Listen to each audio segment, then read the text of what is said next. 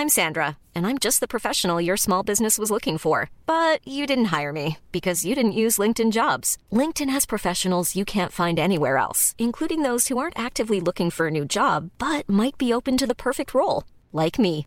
In a given month, over 70% of LinkedIn users don't visit other leading job sites. So if you're not looking on LinkedIn, you'll miss out on great candidates like Sandra. Start hiring professionals like a professional. Post your free job on linkedin.com/people today.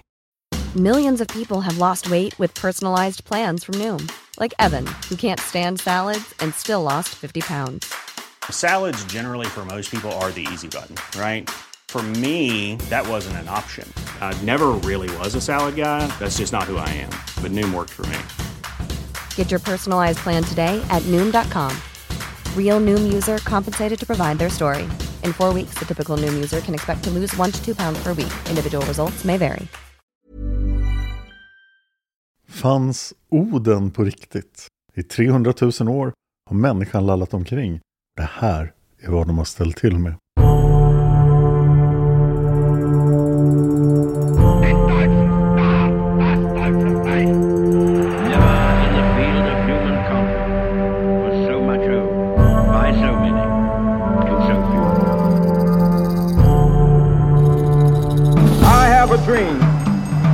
Dallas, Texas, the flash, apparently official, President Kennedy died at 1 p.m. Central Standard Time.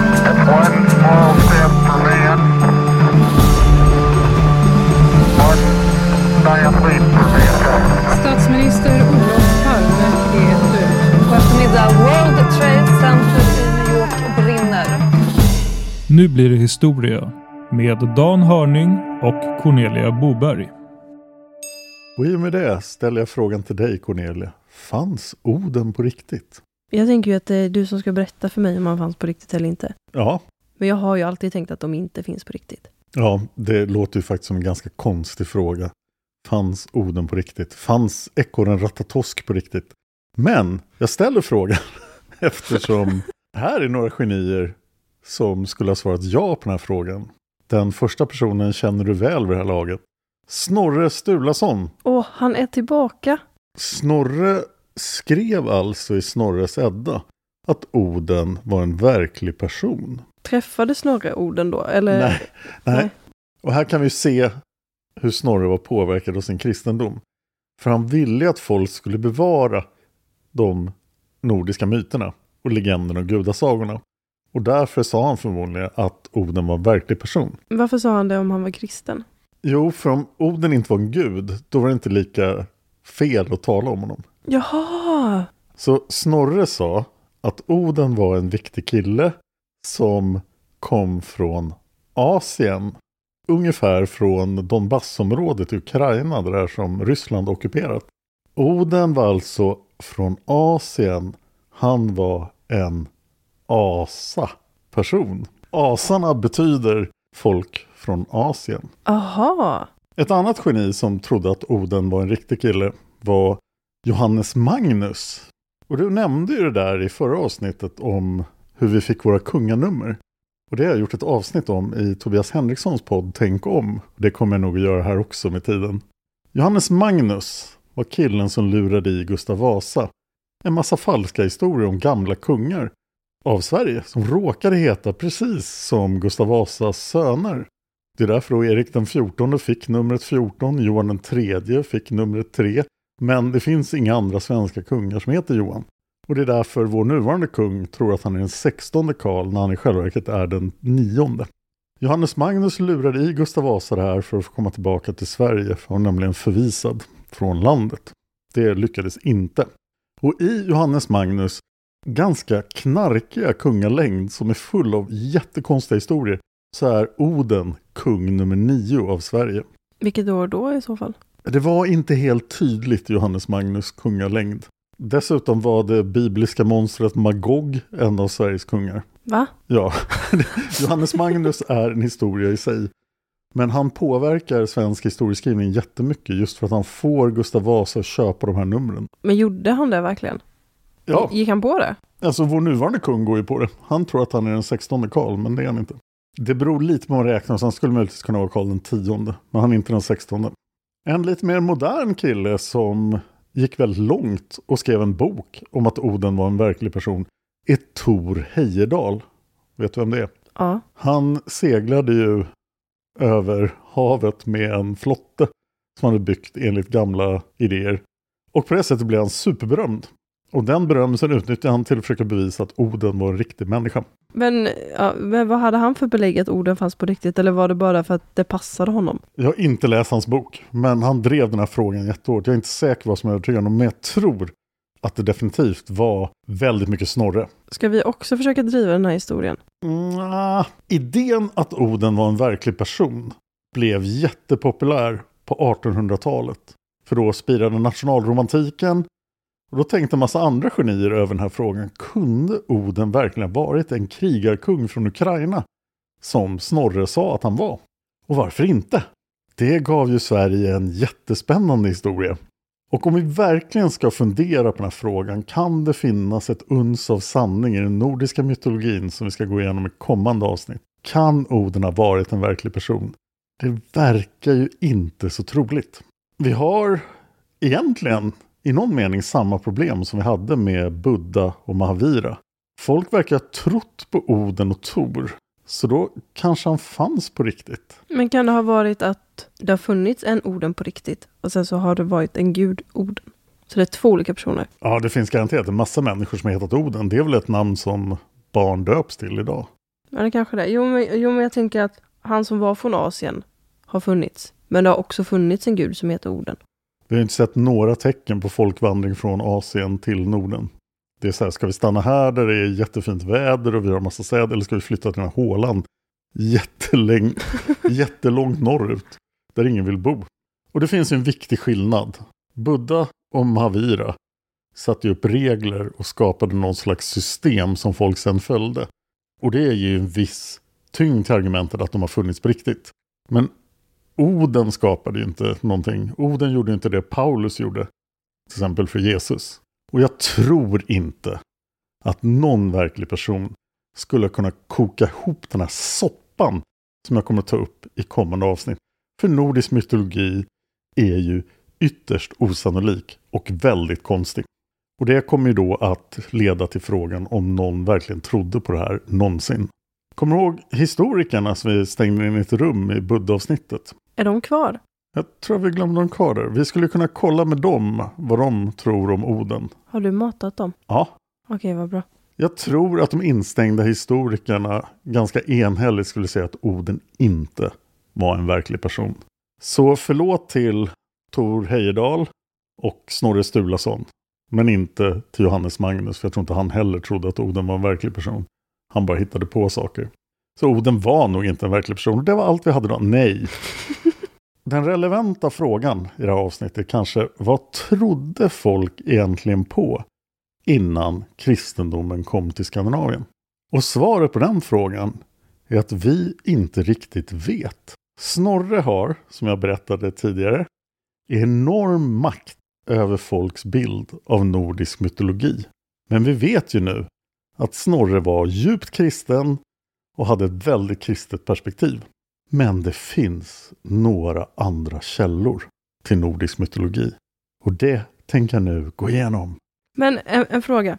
Har, nu har vi gått igenom Jesus, Buddha, Mahavira Ja, och nu orden. Eller om du får rangordna sannolikheten i att de har levt versus inte levt. Hur hade du rangordnat dem? jag skulle nog sätta Jesus på första platsen. Så du är ganska säker på Jesus? Han är mest trolig ändå. Ja. Och Buddha och Mahavira på delad andra plats. Och Oden sist. Mm. Den nordiska mytologin liknar till stora delar den germanska mytologin. Och vi är ju germaner. Vi är ett av många folkslag som kallas för germaner och kommer från de germanska stammarna som fanns i norra Europa på romarrikets tid. Och eftersom de gamla sederna hos nordbor och andra germanska folk var besläktade så får vi en intressant frågeställning. Vad säger det som har bevarats om andra germanska folks tro? För Oden förekommer hos dem också. Han har lite annorlunda namn. Han kan heta Wotan eller något liknande. Men det är samma gud. Och här hamnar vi i en jätteintressant situation som visar varför Snorre är så fruktansvärt viktig. Källorna till myten hos andra germanska folk är försvinnande få. Det finns ingen Snorre för frankerna. Det finns ingen Snorre för vandalerna. Det finns ingen Snorre för saxarna. Utan Snorre är överlägset den bästa källan till förkristen tro i norra Europa. Mhm. Därför är det förstås väldigt svårt att avgöra hur mycket som är gemensamt mellan kontinentalgermansk mytologi och nordisk mytologi. Men det finns många tecken på att det är väldigt mycket som är gemensamt. Och här måste vi nämna en otroligt viktig sak om nästan alla religioner som inte är abrahamitiska. Som inte tror på en enda gud, det vill säga judendom, kristendom och islam. I nästan alla andra religioner är fokus inte på vad man tror, utan vad man gör. Kulten, hur man egentligen praktiserar, vilka offer man gör, vilka seder man följer. Det är det som är det viktiga. Så om du frågade en förkristen svensk om han trodde på Tor, då skulle inte han tycka att det var en viktig fråga. Tor dyker inte upp med sin hammare och säger ”Tror du på mig?” och kräver inte tron på samma sätt som till exempel den kristna tron gör. Så vi antar att det är troligt att kulten, namnen på gudarna och berättelsen om gudarna, de har säkert varierat massor lokalt över Nordeuropa. Men det finns en gemensam kärna. Det är ett misstag att tro att den nordiska mytologin är ett sammanhängande religiöst system som buddhism eller kristendom. Och det verkar som att de förkristna skandinavierna har använt de här gudasagorna just som underhållning. Aha. Så de har inte Netflix. De sitter där på kvällarna och berättar om vilka hyss Loka hittat på och vilka jättar Tor har slagit ihjäl med sin hammare. Och kom ihåg, förkristna skandinavier kan inte läsa och skriva. Det är först med runorna och det är en väldigt kort tid vi har runor innan vi har latin och det vanliga alfabetet. Det är alltså 1400-1500 år efter zapotekerna i Amerika som vi lär oss läsa och skriva i Skandinavien. Så för att underhålla varandra på kvällarna så berättar man ju sagor och legender. Och då är förstås asagudarna jätteroliga huvudpersoner i de här berättelserna. Alla känner ju till dem. Men det kan ju vara lite som, jag kommer ihåg när man var liten och, och man sa typ när det regnade att ah, nu kissar Gud. Men man trodde ju inte riktigt på det, men det var ju bara så man sa. Ja. Alltså lite för att spicea upp vardagen lite. Ja, och i en sån kult där det spelar roll vad man gör och att man tror att riter, offer och sånt som man utför ska leda till fördelar. Då blir förstås två saker oerhört viktiga. Krig och fruktbarhet. Och vi kommer att märka i den nordiska mytologin att väldigt mycket vikt ges till de gudarna som står för just krig och fruktbarhet. Det vill säga Oden och Frej. Freja, Tor, Tyr, några andra. Vi talar alltså inte om en enhetlig religion på något sätt. Det är en etnisk religion eller en naturreligion. Den nordiska mytologin är inte mycket bättre än andra primitiva folks trosystem. Det finns alltså ingen grundare till den nordiska mytologin. I'm Sandra, and I'm just the professional your small business was looking for. But you didn't hire me because you didn't use LinkedIn jobs. LinkedIn has professionals you can't find anywhere else, including those who aren't actively looking for a new job but might be open to the perfect role, like me. In a given month, over 70% of LinkedIn users don't visit other leading job sites. So if you're not looking on LinkedIn, you'll miss out on great candidates like Sandra. Start hiring professionals like a professional. Post your free job on linkedin.com/people today. Millions of people have lost weight with personalized plans from Noom, like Evan, who can't stand salads and still lost 50 pounds. Salads, generally, for most people, are the easy button, right? For me, that wasn't an option. I never really was a salad guy. That's just not who I am. But Noom worked for me. Get your personalized plan today at Noom.com. Real Noom user compensated to provide their story. In four weeks, the typical Noom user can expect to lose one to two pounds per week. Individual results may vary. Och det finns inte heller några fastställda lärosatser. Det är inga präster som springer omkring och säger saker som man måste lyda. Däremot finns det ju folk som utför blot och som har ledande platser i riterna. Man kan tänka sig att mytologin, sagorna och legenderna utgör en sorts teoretisk överbyggnad till vad man faktiskt gör. Alltså vi utför den här fruktbarhetsriten för det gör Frej och Freja glada. Så man får någon slags teoretisk bas till vad man faktiskt håller på med. Vi har alltså förlorat jättemycket kunskap om de förkristna myterna. Men vad kan vi hitta i arkeologiska fynd? Jag kommer till det. Oh. Men väldigt lite, Mhm, kan man lugnt säga. Vi kan nog vara säkra på att de myter vi känner till på grund av Snorre och några andra källor är en liten, liten del av alla myter som fanns. Och Snorre har gjort ett enormt arbete med att försöka få det här att hänga ihop. Men kom ihåg att det som Snorre skrev var alltså inte särskilt mycket. Nej, och då kanske det också bara var lokalt för honom. Ja, han är ju baserad på Island, så det är det som kom till Island. Om alla de inte har en gemensam skrift så har ju alla inte en punkt att utgå ifrån. Så det kanske varierar lite beroende på liksom vart man kommer ifrån. Garanterat. Så att hans kunskap om nordisk mytologi, eller vad man nu kallar det, är ju väldigt lokal för just honom. Ja, fast kom ihåg att islänningar också är väldigt bra på att resa omkring och ta till sig andra saker. Man måste också tänka på att kristendomen kom så sent till Norden jämfört med kontinentala Europa. Så att samma historia utspelar sig 500 år tidigare i södra Tyskland eller i Frankrike.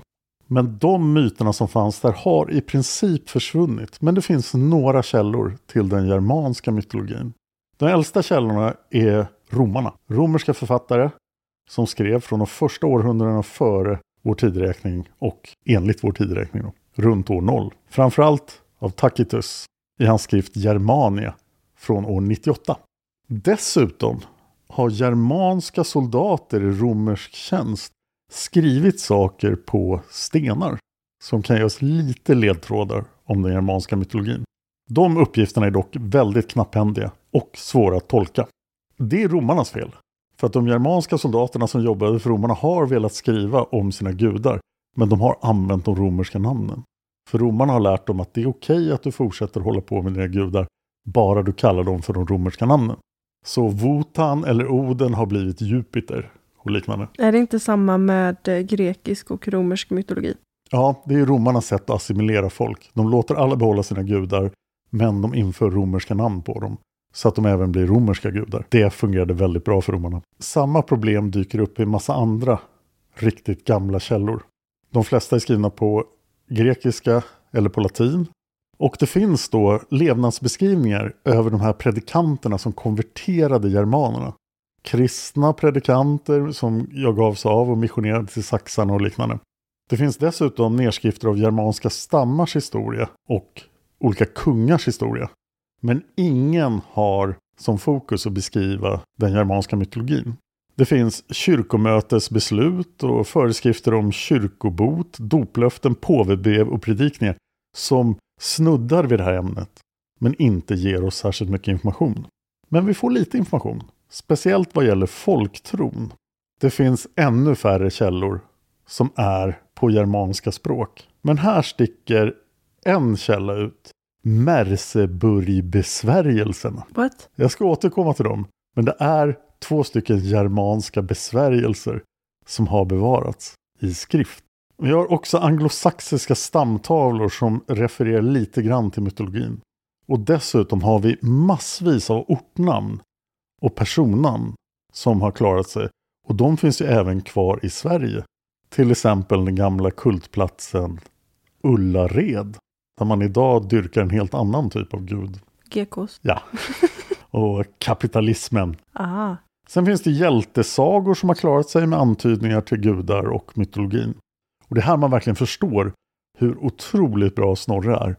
Som skriver tydligt och försöker just förmedla den informationen vi vill ha och jobbar, kanske genom att förändra lite, för att vi ska förstå och få ett sammanhang. Ungefär i samma veva som de germanska folken fick skriftspråk blev de också kristna. Och då hade de inget intresse av att skriva ner sin gamla tro. Vi var sist med att bli kristna i Skandinavien och vi hade inte heller något intresse av det. Om det inte hade varit för islänningarna. De flesta spår av en långtgående kult av de gamla gudarna i Sverige finns hos svearna i Uppland. Det var ju här den siste hedniske kungen Blodsven härskade i Uppsala. Men det gick inte så bra för Blodsven. Men man hör ju på hans namn, han gillar den gamla kulten och sederna. Han ville utföra blot. Det heter inte han det i Pippi, Blodsvente? Det kanske var en referens dit. Sen har vi ju Jämtland där det tog jättelång tid att lära folk att sluta dyrka asagudar. Med Frösön och Storsjön som egentligen heter Åssjön, Asarnas sjö. Så vi vet nästan ingenting från germanska folk. Utan det är just islänningarna som berättar för oss om allting. Och någon enstaka runsten. I Tyskland och England, när man talar om germansk mytologi, då menar man i princip nordisk mytologi. Man har köpt det, det var så här folk trodde innan kristendomen kom. Eftersom Snorre är en så överlägsen källa. Det känns ju också som att det är det man har fått lära sig. Att eh, ja, men vikingarna trodde på Tor och Freja. Ja, och tyskarna och engelsmännen är övertygade om att anglosaxerna och andra germanska folk också trodde på Tor och Freja och Oden. Och det kommer att bekräftas lite grann när vi går igenom Merseburg-besvärjelserna, för de kommer inte från Skandinavien. Så allas ögon går till Skandinavien. Här är källorna rikare. Och det mesta kommer från Island. Och det kommer huvudsakligen ner till två texter. Den ena är Snorres Edda, som jag ju berättade om i förra avsnittet. Och den andra är den poetiska Eddan. Och det blir ännu mer komplicerat på grund av att den poetiska Eddan är en av Snorres bästa källor. Ja, så han har använt sig Ja, av han den. har den poetiska Eddan. Det är väldigt oklart vem som skrev den. Men han, man kan se att han direkt har tagit saker därifrån och försökt göra dem lite begripligare. Men konstigt nog har han bytt namn på vissa personer, eller vissa gudar. Och ändrat lite konstiga detaljer. Kanske för att han hade ytterligare källor som vi inte har. Har du hört talas om Kalevala? Nej. Det är den finska mytologin. Och även samerna har en egen mytologi. Men man kan se att den är väldigt påverkad av den nordiska mytologin. Jag kan inte säga namnet de har på Torel. Horagalles. Men karaktärerna på de samiska och finska gudarna liknar väldigt mycket olika nordiska gudar. Men eftersom källorna är så rika på Island och ingen annanstans så måste man ju fråga hur mycket islänningarna just representerar alla andra. Och konsensus är här att eh, det gör det nog, åtminstone för Skandinavien. För rester i folktro, folksagor, folkvisor, bilder på runstenar samt lån av sagomotiv till närboende folkslag verkar bekräfta att det som står i den poetiska Eddan och i Snorres Edda är någonting som verkar ha funnits i hela Norden och förmodligen bland de germanska folken. Vi vet också att islänningarna var väldigt pigga på att skicka isländska skalder till Norge och kanske till Sverige och Danmark också. Och tvärtom. Så skalderna reste runt och berättade sagor och legender långt innan Snorres tid. Så det verkar finnas en stor likhet mellan de olika ländernas tro. Eller länderna idag, de olika områdenas tro. Vi kan också notera likheter i föreställningar om de avlidnas själar och olika andar i naturen. Och de finns ju långt utanför de germanska folkslagen också. Vi har också ganska mycket överensstämmande folktro som älvor, maror, huldror, dvärgar och näcken och liknande. Och vad heter de? Mylingar finns ju också. Ja. Julius Caesar berättar att germanerna dyrkade solen, elden och månen. Tacitus säger Merkurius, Herkules och Mars. Och det är tre romerska gudar och då måste man försöka lista ut vilka gudar han menar då i den germanska mytologin. Vi har ett saxiskt doplöfte från 800-talet. När man då blir kristen så måste man lova att sluta dyrka följande gudar. Tuner, Woden Mhm. och Saxnot och alla onda makter som är i deras sällskap. Tuner är förmodligen Tor. Saxnot lite svårare och Woden är förstås Oden. Så nu tänkte jag ta de skriftliga källor vi har. Och jag tänkte ta dem i ordning efter hur bra de är. Och du vet redan vad som är bäst. Ja, Snorre. Ja. Jag pratade om Eddan och vad den bestod av i förra avsnittet. Men varför heter boken Edda? Det låter som gädda. Det är ett isländskt ord. Det finns alltså ett isländskt ord på Snorres tid som heter Edda. Och Snorre kallar sin bok Edda. Och vad betyder Edda? Farmor. Jaha. Varför då? Eller så varför har han döpt det till Edda? Det kan man ju verkligen fråga sig. Och vissa tror ju då att han menade inte farmor. Och Snorre själv har skrivit ordet Edda i betydelsen farmor i andra skrifter. Så Snorre är mycket väl medveten om hans bok heter Farmor. En teori är att det kommer från det latinska edo och det betyder jag skriver. Och då resonerar man så att det fanns ett ord som hette credda under Snorres tid. Och det betydde jag tror från latinskans credo.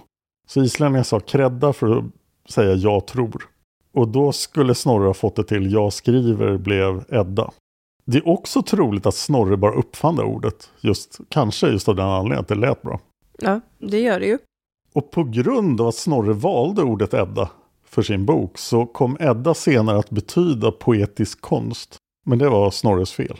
I prologen till Eddan så skriver Snorre att han vill ge en kristen bakgrund till de hedniska myter som har berättats. Hedendomen förklaras som en slags naturreligion som uppstod då människor som ännu inte hade nåtts av det kristna budskapet funderade på tillvaron, iakttog naturen och anade närvaron av en högre makt. Så att de primitiva folken hade alltså försökt nå Gud men de hade inte lyckats för ingen hade varit där och berättat för dem.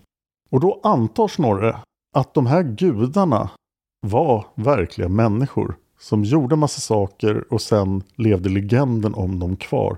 Och folk började dyrka dem som gudar. Men lite då som att de skulle vara någon form av Buddha. Ja, men den viktiga skillnaden är att Buddha försökte faktiskt lära folk någonting. Och det gör inte Loke. Men Snorre säger alltså att gudamyterna är ingenting annat än en förvanskad och halvt bortglömd historia av någonting som hände för länge sedan. Men det här kan ju också vara någonting han bara säger då för att han inte vill att kristna ska tycka att det här är hädiskt. Ja, han vill inte ge andra gudar något utrymme. Och efter Snorre blir det här väldigt populärt bland medeltida författare att skriva om nordiska gudar och sånt. Men alla är baserade på saker han har sagt. Dessutom uppstod ju förstås folk som trodde att det här var ju gudar. Eller folk trodde att det här var gudar och därför var det satans lakejer och demoner. Och det här var hediskt ändå. Så i Snorres Edda så finns alltid den kristna världsbilden i bakgrunden. Och historien är på något sätt kompatibel med den ändå. För att ingen ska råka illa ut. Men nämner han Gud och Jesus och... Nej. Och det finns andra författare på Island som ännu tydligare gör det här under samma tid. Och som jag nämnde i förra avsnittet så är det inte mycket av Eddan som handlar om nordisk mytologi. Det står massa andra saker i den. Huvuddelen av den korta prologen handlar om asarnas historia. Asarna kom då från Asien, vilket enligt Snorre då framgår av namnet. Och de kom faktiskt från Troja. Men eh, Snorre hade ingen aning om var Troja låg, så att han kan mena då Turkiet eller Ukraina. Och det här berättar Snorre om Odens ursprung. Citat. Där fanns tolv kungadömen och en överkonung och under varje kungadöme låg många länder. Slutcitat.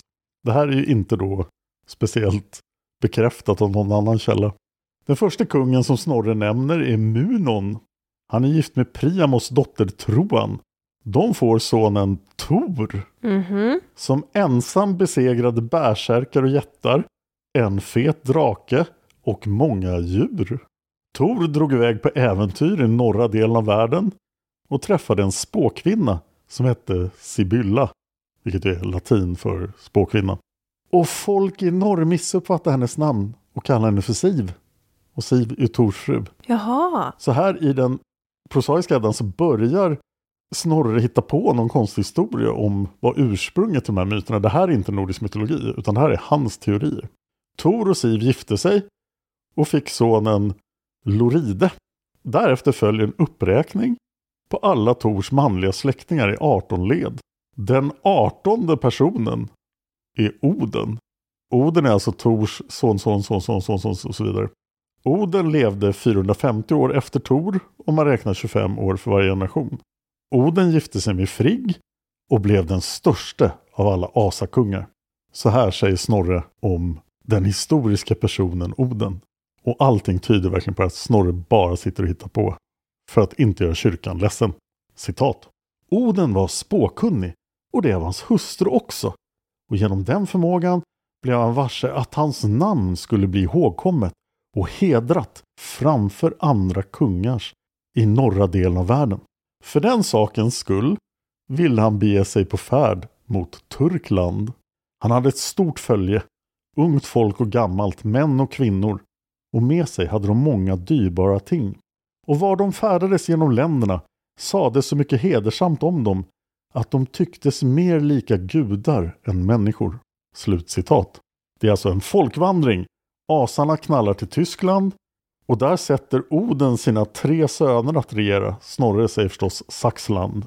De tre sönerna är Vegdeg, Han blir kung i östra Saxland. Beldeg, eller Balder, blev kung i Västfalen. Och Siggi blev kung i Frackland. Det är södra Frankrike. Oden fortsatte sedan norrut till Jylland. Där sonen Sköld blev kung. Och från honom kommer Sköldungarna. Det är en viktig ett i nordisk historia. Som Snorre förmodligen ville smöra för. Därpå gick färden till Sverige. Där sonen Yngve blev kung. Och han blev ynglingaättens stamfader. Alla nordiska kungar härstammar från Oden. Mm, praktiskt, alla gillar Snorre. Alla gillar Snorre. Sist åker Oden till Norge. Där gör sin son Saming till kung. Och efter honom räknar de norska kungarna sin härkomst. Snorre berättar också att det var på grund av den här folkvandringen som gjorde att alla germanska språk kom till norra Europa. Men i England så är det något konstigt, säger Snorre. Det finns namn på platser och länder som man kan se är givna på ett helt annat språk. Det gick alltså ingen folkvandring till England och således är folkvandringen bevisad. Och då menar förstås Snorre keltiska. Snorre har ju hittat på det här, men han har inte hittat på det själv. Utan har hämtat berättelser om asarnas utvandring från mindre Asien till Skandinavien från Sköldungasagan. Alltså det som sköldungarna använde för att bekräfta varför de var så bra. Den i sin tur bygger troligen på både muntliga och skriftliga källor. Men Snorre kunde också knyta an till flera europeiska traditioner. Till exempel att olika västländer hade grundats av flyktingar från Troja. Och det hittade ju till och med romarna på om sig själva. Men kan det vara så att Snorre skrev det här på order av någon? Eller från någon? Han var ju en person i fristaten och de tog inte order från någon än. Det var innan han sålde sin själ till Norge. Och glöm inte att Snorre satt där i Jons bibliotek och läste massor av de gamla skrifterna från resten av Europa. Men det här är inte den historia du vill höra. Du vill höra om den nordiska mytologin, om Tor och Oden och jättar och dvärgar och Midgårdsormen. Men det ska vi ta i nästa avsnitt. Jag nämnde ju Tor Heyerdahl tidigare. Och jag vill också inflika att det var den här historien han trodde på. Och Tor Heyerdahl gjorde utgrävningar vid Azovssjöns kust, alltså nära Mariupol, där kriget ju är idag mellan Ryssland och Ukraina. Och han grävde där för att hitta bevis för att Oden hade kommit därifrån. Hittade han några bevis? Ja, det blev en hel bok. Och boken heter Jakten på Odin. Men jag har inte läst den. Inte jag heller.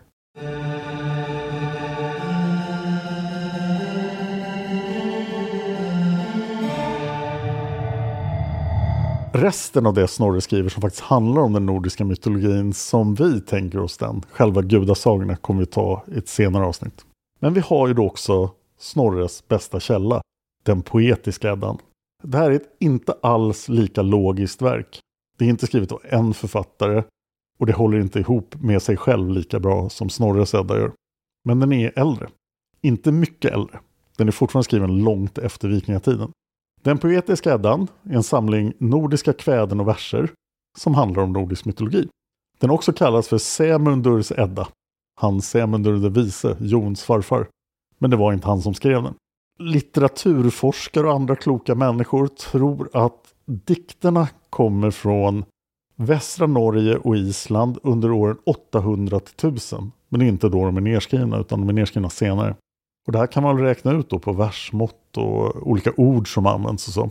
Alla dikterna har alltså under lång tid överlevt genom att berättas muntligt för andra, precis som buddhismen och jainismen. Vi vet inte vem som kom på dikterna. Dikttypen uppvisar stora likheter med forngermansk poesi. De första dikterna är gudadikter. Och sen följer en grupp sagor om hjältar från folkvandringstiden. Och den mest berömda av dem är ju Sigurd Fafnesbane som dödar draken Fafne. Sen har det smugit in någonting som kallas för Solsången och den är uppenbart kristen och visar lite att det här verkligen har skrivits ner långt senare. Det finns en bevarad handskrift av den poetiska Eddan som heter Codex Regius och den vet vi är från det sena 1200-talet. Danskarna la beslag på den och islänningarna ville ha tillbaka den och den har nu återförts till Island. Det finns idag hedniska grupper och samfund som försöker leva som de tror att folk levde innan kristendomen kom. Vad gäller religion och seder. Hur går det för dem? Ja, de har ju svårt då med, det finns ingen bok, alltså Bibeln är inte så sammanhängande och logisk, men det enda de har är en poetisk Eddan. Så de har då tänkt sig att den poetiska Eddan går att använda som en bibel. Och det blir förstås lite problematiskt. Det vore ju ungefär som hitta T.S. Eliots dikter om katter och sen göra en musikal av det. Äh, vänta, det har ju faktiskt hänt. Jag ska återkomma lite till dagens hedningar, för de har det svårt och jobbigt. Och de tycker verkligen inte om att man kommer att prata om asatro. Vad vill, man att man ska, vad vill de att man ska prata med dem om? Fornsed. Men mer om det sen. För jag har en trea på min källlista. Som man på medeltiden kanske gillade ännu bättre än Snorre. Men idag gör man inte det. Och det är en dansk. Nämen, Det är Saxo Grammaticus. heter han det? Han hette Saxo. Och sen fick han tillnamnet Grammaticus för att han var den lärde. Aha. Saxo föddes ungefär 1150 eller 1160 och kanske på Själland. Och han dog 1206. Han var en dansk historiker och författare. Han hade ett ganska bra jobb som eh, sekreterare hos ärkebiskop Absalon av Danmark i Lund. då. Och han var samtida med kung Valdemar, den store. Saxo är främst känd för att han skrivit ett verk om dansk historia, Gesta Danorum. Gesta Danorum är 16 böcker om Danmarks historia. Och då skriver han alltså innan 1206. Så han har massor att säga om Danmarks historia och är en bra källa till det. Men som en bieffekt i det här verket som är på latin så får han in en hel del om den nordiska mytologin. Det är det som gör honom till vår tredje bästa källa. På medeltiden och under renässansen tyckte man gud vad det här är bra. Men idag är Saxo Grammaticus nästan bortglömd. Är det för att vi har avfärdat honom eller bara glömt bort honom? Det är för att han inte riktigt behövs. För han gör lite samma sak som Snorre men sämre. Han är också den ursprungliga källan till handlingen i Hamlet. Jaha! Men då har vi avverkat de tre litterära verken. Nu har vi kommit till Merseburg-besvärjelsen. Ja!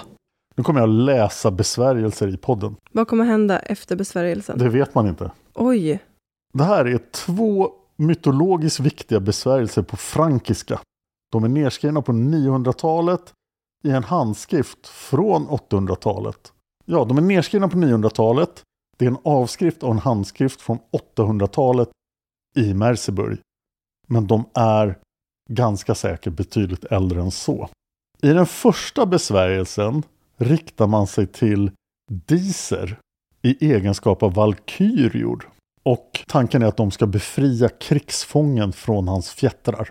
Den andra besvärjelsen ska bota vrickning. Och då att man har vrickat foten? Ja. Och i besvärjelsen ska jag läsa besvärjelsen. Ja, gör det. Så får vi se om min vrickade fot mår bra. Men du har ju inte vrickat foten. Shh. Vi kan göra så här, aj, jag har vrickat foten. Läs besvärjelsen för Åh mig. nej, har du vrickat foten? Som Ja. tur har jag en besvärjelse. Ja, rädda mig. Okej, jag kanske måste förklara vissa ord. Nej, jag förklarar dem efteråt. Fol och Vodan red i skogen. Då fick Balders fåle sin fot stukad. Då besvärjdes den av Sintgunth och Sunna hennes syster. Då besvärjdes den av Freja och Volla hennes syster. Då besvärjdes den av Voden som väl det kände såsom benkrämpa, såsom blodkrämpa, såsom lämkrämpa, ben till ben, blod till blod, lem till lem, såsom voro de limmade. Tada! Oj, min fot är inte vrickad längre. Fan vad gött det känns. Tack så jättemycket. Det som hände här var alltså att man ska bota vrickningen så som hästen Oden reds vrickning en gång botades. Va? Ja, alltså Odens häst hade vrickat foten och Oden botade det på det här sättet och det är därför det fungerar. Han red ju då med Fol och det är väldigt oklart vem det är. Fol verkar också vara ett namn på Balder. Jag nämnde ju Balder, men Fol är Balder. Och det här är ett grepp som finns i den här typen av diktning. Att man använder nya namn på folk för att det ska passa ihop med versmåttet och låta bättre. Och det gör det hela inte heller lättare. Och i den här trollsången sjunger man av Sint-Gunt, det är förmodligen månen, Sunna är solen, Freja och Oden. Det är ju svårt att förstå sammanhanget här, men man noterar likheterna med det som vi kommer att presentera i nordisk mytologi sen. Det är Balder, det är Freja, det är Oden. Det finns väldigt mycket asagudar. Men det ska vi prata om i kommande avsnitt. Men det här är alla källor vi har. Det, det finns inget mer. Nej, inte någonting av större relevans. Alltså det gör mig nästan lite ledsen. Ja, visst är det sorgligt? Ja, alltså jag vill ju ändå tänka att våra förfäder, vikingarna, trodde och levde efter asagudarna. Och nu så bara nej. Och det för oss till frågan, hur påverkade det här människor innan kristendomen kom?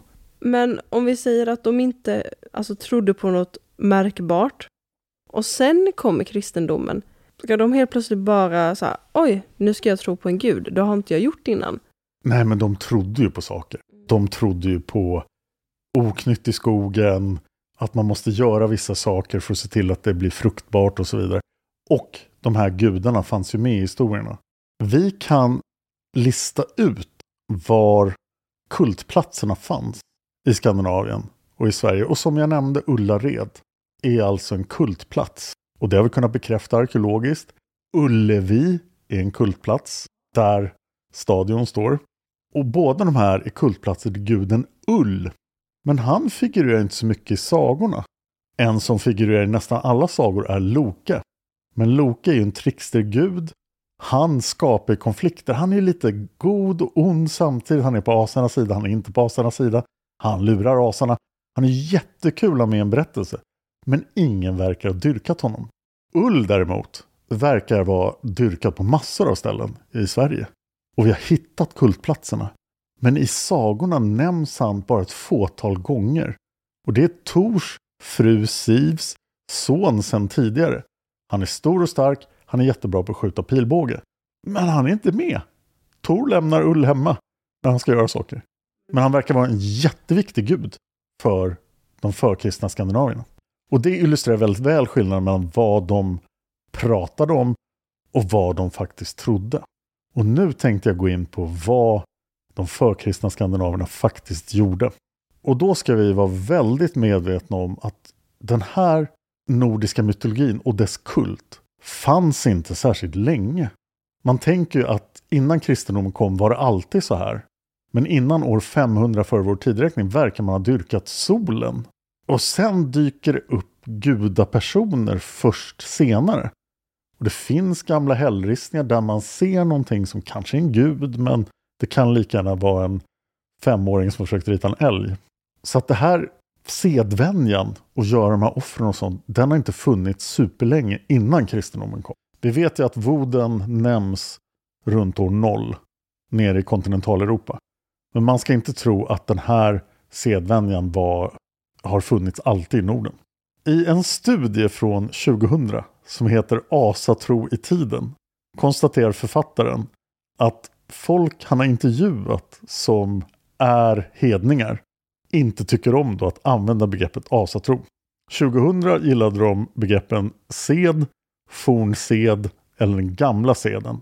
Vi kan konstatera att vill man vara PK när man pratar med hedningar, då ska man prata om fornsed. För de är väl inte heller jätteförtjusta i att prata om att en jättestor ko har orsakat att livet finns. Utan de vill nog snarare prata om det de gör. Men det är väl också ganska, det är ju inte alltid så populärt att till exempel gå till en kristen person och prata om skapelseberättelsen. För alla, nej men alla kristna tror ju inte på skapelseberättelsen. Nej, och alla kristna kanske inte betraktar Big Bang som någonting hädiskt. Det finns en annan avhandling som heter Modern asatro från 2008. Och där bekräftas bilden av att begreppet fornsed är dominerande. Och begreppet asatro är inte så bra, tycker hedningarna. Och i den lilla tid jag spenderat på att titta på de här fornsedmänniskornas webbsidor så verkar det väldigt fokuserat runt just blot, runt ritualer. Och de ritualer de har är de som står i den poetiska Eddan. Men vad går de ritualerna ut på? Det är väldigt mycket offra mat. Ställa ut mat, offra den till en högre makt och sen kanske bara äta upp den. Men kan det ha lämnat spår i det här att man ska ställa ut gröten till tomten? Ja, Ja, det har det. Ett blot syftar alltså till att vinna gudar eller alvers välvilja. Och alverna i nordisk mytologi är inte Tolkien-alver, men Tolkien har fått dem därifrån. Utan alverna verkar också vara en slags fruktbarhetsguder, precis som Frej och Freja. Men Frej och Freja är vaner och det är lite bättre att vara än att vara en alv. Men alverna gillar folk att blota till så att de ska bli glada och snälla. I Sims 4 när, när det är eh, högtider så kommer det upp eh, så här, trädgårdstomtar i Simmens hem som man då ska försöka blidka. Genom att ja, ge dem en bit mat eller försöka bonda med dem och sådär. Och antingen så blir trädgårdstomten arg eller så blir den glad och så får man fröpåsar tillbaka som man kan plantera hemma. Det låter väldigt mycket fornsed. Och i en av de här fröpåsarna så kan man få en koplanta. Den berömda Sims koplantan. Den här koplantan försöker locka till sig simmar genom att sträcka ut sin tunga och på tungan så är det en bit tårta. Och så, så käkar koplantan upp simmen. Det låter ju jättefarligt. Eller första gången som den stoppar in simmen i munnen och spottar den ut den. Sen andra gången, om du inte gör någonting åt det, så kommer den käka upp simmen och simmen kommer dö. Det här låter ungefär lika rimligt som nordisk mytologi. Jag tycker det är fullkomligt rimligt. Vad hemskt. Jag går tillbaka till bloten.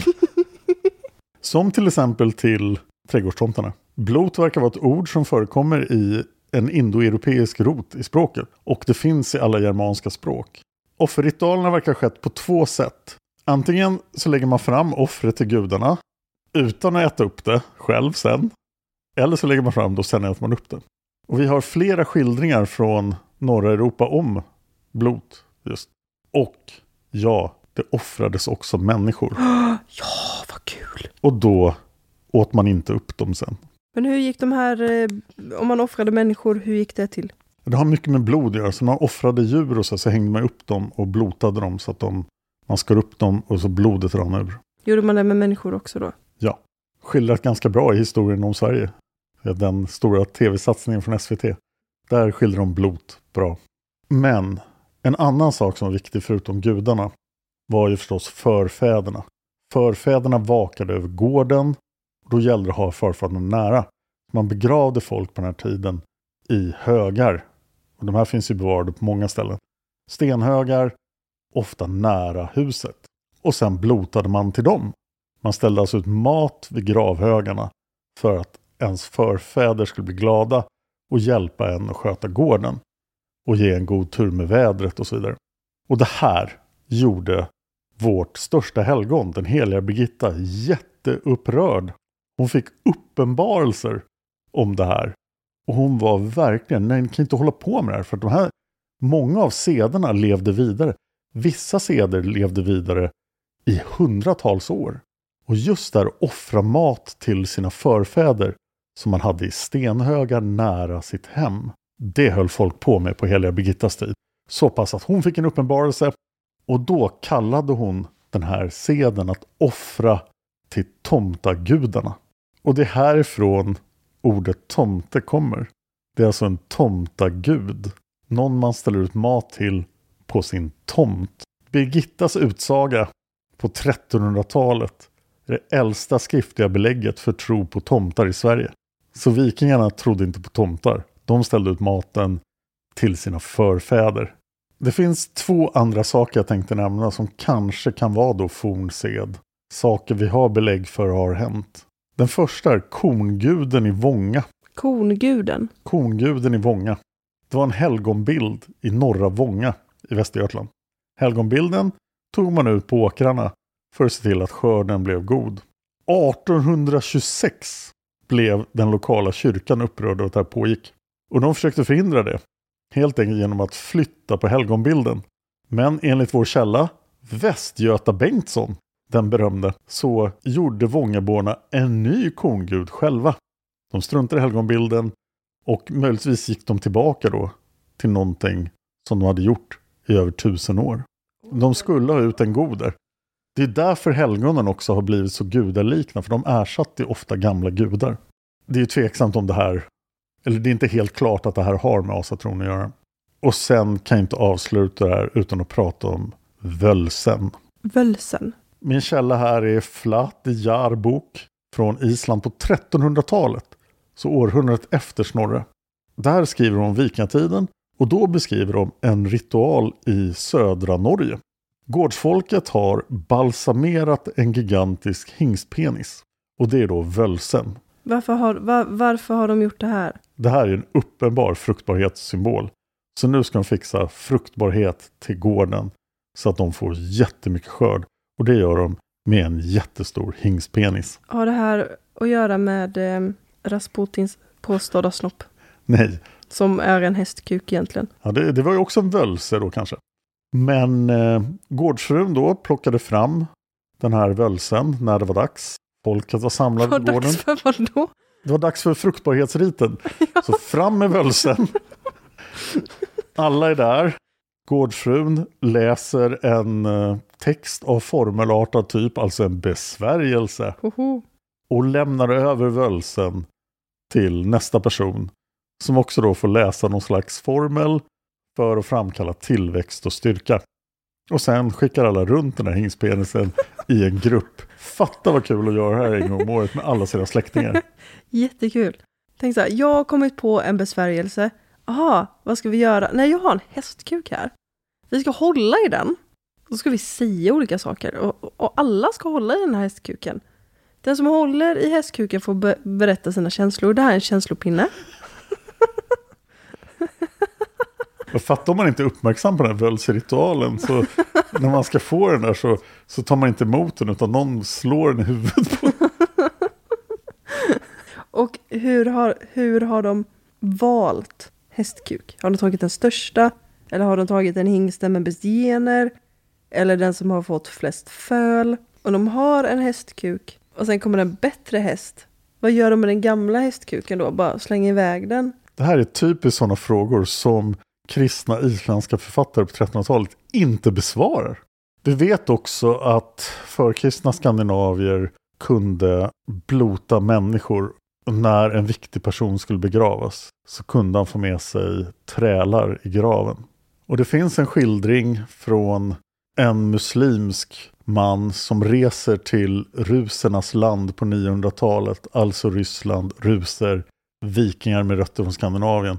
Och de här ruserna har en begravningsrit som inte verkar särskilt hälsosam. Och den här muslimska mannen är oerhört chockad över nordmännens barbari. Men man kan inte med säkerhet säga att det här faktiskt är skandinaver. Det kan mycket väl vara fjärde generationens ruser. Och att det är andra sedvänner som har kommit in från andra håll. Så att jag har valt att inte ta med den. Och det här är i princip det vi vet om källorna till nordisk mytologi och vad folk gjorde.